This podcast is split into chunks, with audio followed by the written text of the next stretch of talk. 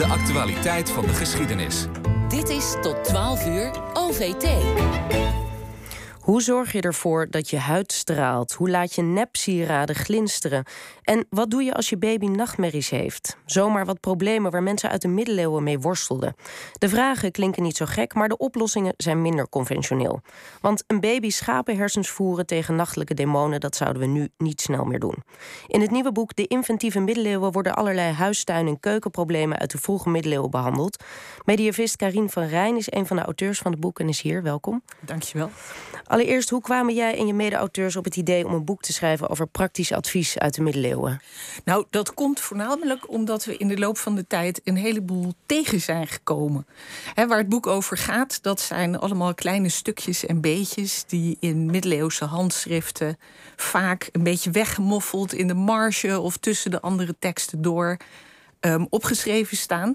En die zijn op zichzelf niet echt genoeg uh, om een heel stuk over te schrijven of zo. Maar toen, toen wij eenmaal rond gingen vragen van... hé, hey, uh, heb je ook wel eens iets gevonden of zo aan collega's... toen bleek er een ontzettende een stuw meer aan leuke verhalen te vertellen te zijn... en interessante ontdekkingen te doen te zijn. En toen dachten we, kom, we maken er een boek van. En dat is dit geworden. Maar, maar het zijn dus allemaal fragmentjes... en dat zijn een soort losse opmerkingen... die in de kantlijn van hele serieuze geschriften zijn geschreven? Soms wel. Ik heb wel eens een... Um, een shampoo-recept gevonden uh, in de marge van een martyrologium.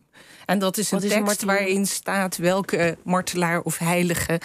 Um, dan misschien niet fascistisch, maar anders uh, uh, je op welke dag moet vieren. En dus er is helemaal geen verband dan. Daar heeft iemand duidelijk een aantekening gemaakt van: oh, dit moet ik niet vergeten. En um, het, het, is heel, heel grappig klein. Het is echt een mini-tekstje, zo groot als een postzegel. Maar daar staat dus in uh, wat je moet doen om mooi golvend haar te krijgen. En uh, op die fiets blijken er dus een heleboel andere um, stukjes en beetjes uh, gevonden te zijn. Maar het zijn dus eigenlijk kleine gedachten ja, van de schrijver. ja, of, of midden in een veel langere tekst dat je opeens denkt: hé, wat is dit? En daar hebben we een verzameling van gemaakt.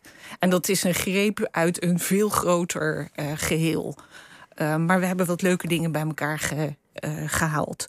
Ook om te laten zien dat we een heleboel wel weten over deze tijd en dat er allemaal interessante dingen te weten zijn. Laten we eens kijken dan uh, naar de adviezen die in dit boek uh, worden geboden. Want jullie hebben het een beetje opgebouwd als, nou ja, er is een probleem en daar is dan ook een oplossing voor. wat, wat deed de middeleeuwen zoal om goed voor de dag te komen? Ja, dat is, dat is erg leuk dat je dat vraagt. Want um, de meeste mensen zullen niet direct een associatie hebben met schoonheidsmiddelen en zo, als je het over de duistere vroege middeleeuwen hebt. Hè. Maar mensen waren wel degelijk bezig. We hebben um, uh, hele series. Um, uh, gezichtscremes bijvoorbeeld, maar ook die shampoos en haarverf en middeltjes voor te veel haar en te weinig haar en haar op de verkeerde plaats en weet ik wat niet allemaal. Ja, wij denken die middeleeuwen waren vinden. Allemaal, ja. ja, wij denken ze waren allemaal vies, maar dat maar blijkt dus dat ze, toch wel bezig in de modder op de dood te wachten en het was allemaal reuze somber. Maar um, dit, ja, je kunt dus ook het op een veel optimistischer manier allemaal bekijken. En dan, uh, nou ja, daar, daar proberen we een bijdrage aan te leveren met dit boek. En, en, en je moet dus bijvoorbeeld uh, voor een stralende huid wortels van een druivenstok nemen en die met olie mengen en honing en die dan honing. op je gezicht smeren. En dat is een heel speciaal soort druivenstok, want Plinius, hè, de, de oude Plinius, die zegt al dat is een heel goed soort druif en heel bijzonder. En hij groeit alleen maar in Noord-Italië, voor zover wij weten. Dus hoe mensen in deze contraien daar aankwamen, dat is een beetje een raadsel. Maar die druivenstok moet je malen en dan gaat er honing door en dan smeer je dat op je gezicht en dan moet je s ochtends eens zien. Het klinkt een beetje als de, als de, de, de moderne spirituele gezondheidsinfluencers die dit ook zo zouden kunnen. Ja, maar dit moet je allemaal niet thuis proberen. Er is wel een verschil, want dit komt uit toch wel echt uit een hele andere denkwereld. En Um, dus in, in het boek staan ook wat recepten voor het een of het ander. Heel typisch middeleeuws, zonder hoeveelheden en zonder precies hoe lang je het moet roeren en koken en zo.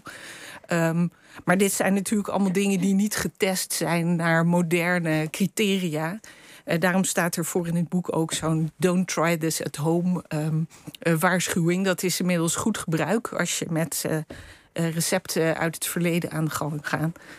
Um, Laten we nog eens kijken, want er zijn ook, uh, nou, er staan nog meer. Het, gaat niet alleen maar over schoonheid. Ze hadden ook iets handigs bedacht om bijvoorbeeld uh, wolven te verjagen. Ja. Um, uh, Zeer voor ons misschien ook. Ja, precies. interessant. Ja, ja, nou, hoewel ik, ik er meteen bij wil zeggen: ik ga hier niet aanzetten tot wolvenmoord. Hè, dat, dat doen we hier niet. Maar Um, er was bekend dat uh, in, in deze vroege periode wist, kenden mensen wolven en mensen hadden last van wolven. Want die aten net als toen schapen op. En er werd ook gefluisterd dat ze ook wel eens kinderen opaten. Nou, dat wil je dus niet. En hoe hou je dan een wolf uit de buurt voor de uitvinding van vuurwapens en andere vormen van effectief geweld? Um, nou, wolven die, die schijnen nogal sterk te ruiken. Ik weet niet of iemand in, aan tafel hier wel eens een wolf heeft geroken. Maar uh, ze staan bekend om hun stank. Daarom werden er ook nooit kleren van gemaakt of dekens. Maar wolven ruiken elkaar ook. Dus als je een, een wolvenkarkas in je, schapen, uh, in je veld met schapen legt, was het idee, dan blijven andere wolven op veilige afstand. Dus dan leg je een dode wolf um, als een soort van afschrikwekkend voorbeeld daar. Als het niet werkt, steek je hem in de fik. Dat stinkt nog veel meer. Um, dus dit is weer zo'n voorbeeld van don't try this at home. Maar wel een hele praktische manier om destijds met het wolvenprobleem om te gaan. En, en jullie beschrijven ook tips bij uh, fysieke verschijnselen zoals hoofdpijn. Uh, wat moest men daaraan doen? Oh, er zijn, er zijn honderden verschillende recepten en middeltjes. We, we hebben natuurlijk ontzettend veel uh, receptenboeken uit de oudheid. En daar zijn in de middeleeuwen allemaal dingen aan toegevoegd. Dus er zijn allerlei mengsels en middeltjes uh, die je kunt gebruiken. Of het ook echt werkt naar onze tegenwoordige maatstaven, weet ik niet. want wij hebben dat niet uitgeprobeerd. Maar het interessante daaraan is, als je van die lijsten met recepten langs gaat, dan zul je constateren dat er ongeveer niks is waar wel een oplossing voor bedacht kan worden. En vaak ook met planten uit je eigen tuin. Dus dan lees je recepten die ook de pest, middeltje tegen de pest, geen enkel probleem. Middeltje tegen dodelijke gezwellen, geen enkel probleem, hebben we allemaal. Dus um, de, er komt een heel soort, een, een positief soort uh, boodschap uit. Je kunt niet ziek genoeg zijn of er is wel een middeltje voor. En dat is natuurlijk erg interessant hieraan. Ja, maar er staan ook wel een paar uh, een beetje vreemde, curieuze uh, oplossingen in... waardoor je toch weer kan denken, god, die gekke middeleeuwers. Dus ja. het is... Ja. Ja. Um... Maar ja, gekke middeleeuwers. Kijk, uh, als historicus moet je dat natuurlijk nooit doen. Hè, want je beoordeelt nooit het verleden. Je probeert te begrijpen wat die mensen nou allemaal in hun hoofd hadden en hoe het allemaal werkte. En als je die stap kunt nemen, dan, dan is het niet meer zozeer de gekke middeleeuwers. Maar jeetje, wat een interessant uh, set achterliggende ideeën hebben we hier. En wat is die cultuur anders dan de onze? En wat trekken die mensen andere conclusies dan wij zouden doen? Hoe komt dat? En dat is wat ik mijn studenten ook probeer te leren. Hè. Dus niet zeggen een rare middeleeuwen. Nee, waarom dan? Waarom denken ze zo? Waarom denken ze dat je aan niezende mensen iets over de toekomst uh, kunt, kunt aflezen, bijvoorbeeld. He, al die oorzaak-gevolgrelaties die voor ons totaal vreemd zijn, zijn voor deze mensen uh, eigenlijk heel normaal.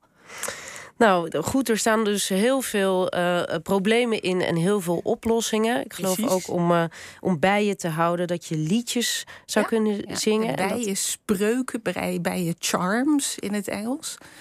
Um, met bijen is het probleem dat um, ze gaan zwermen op een goed moment. Dan dan wordt, de, wordt eh, de bijzwerm te groot en dan gaat een deel met de nieuwe koningin gaat op pad en op zoek naar een nieuwe woonplaats. En um, ja, dan ben je dus opeens de helft van je bijen kwijt. En de honingproductie, de wasproductie is belangrijk. En nou ja, we hebben teksten van spreuken waarmee je bijen kalmeert en ze ertoe beweegt om weer in een nieuw neergezette bijenkorf uh, te gaan zitten. Ik zou wel eens willen horen van een imker of dat ook echt werkt. Um, we moeten, nou, dus dat kunnen we, dat mensen kunnen we gevaarloos proberen. Dat kunnen, ja. we, dat kunnen we gevaarloos proberen. Precies. Goed. Nou, dus er staat nog veel meer te lezen in jullie ja. boek uh, De Inventieve Middeleeuwen. Hartelijk dank, Karin van Rijn.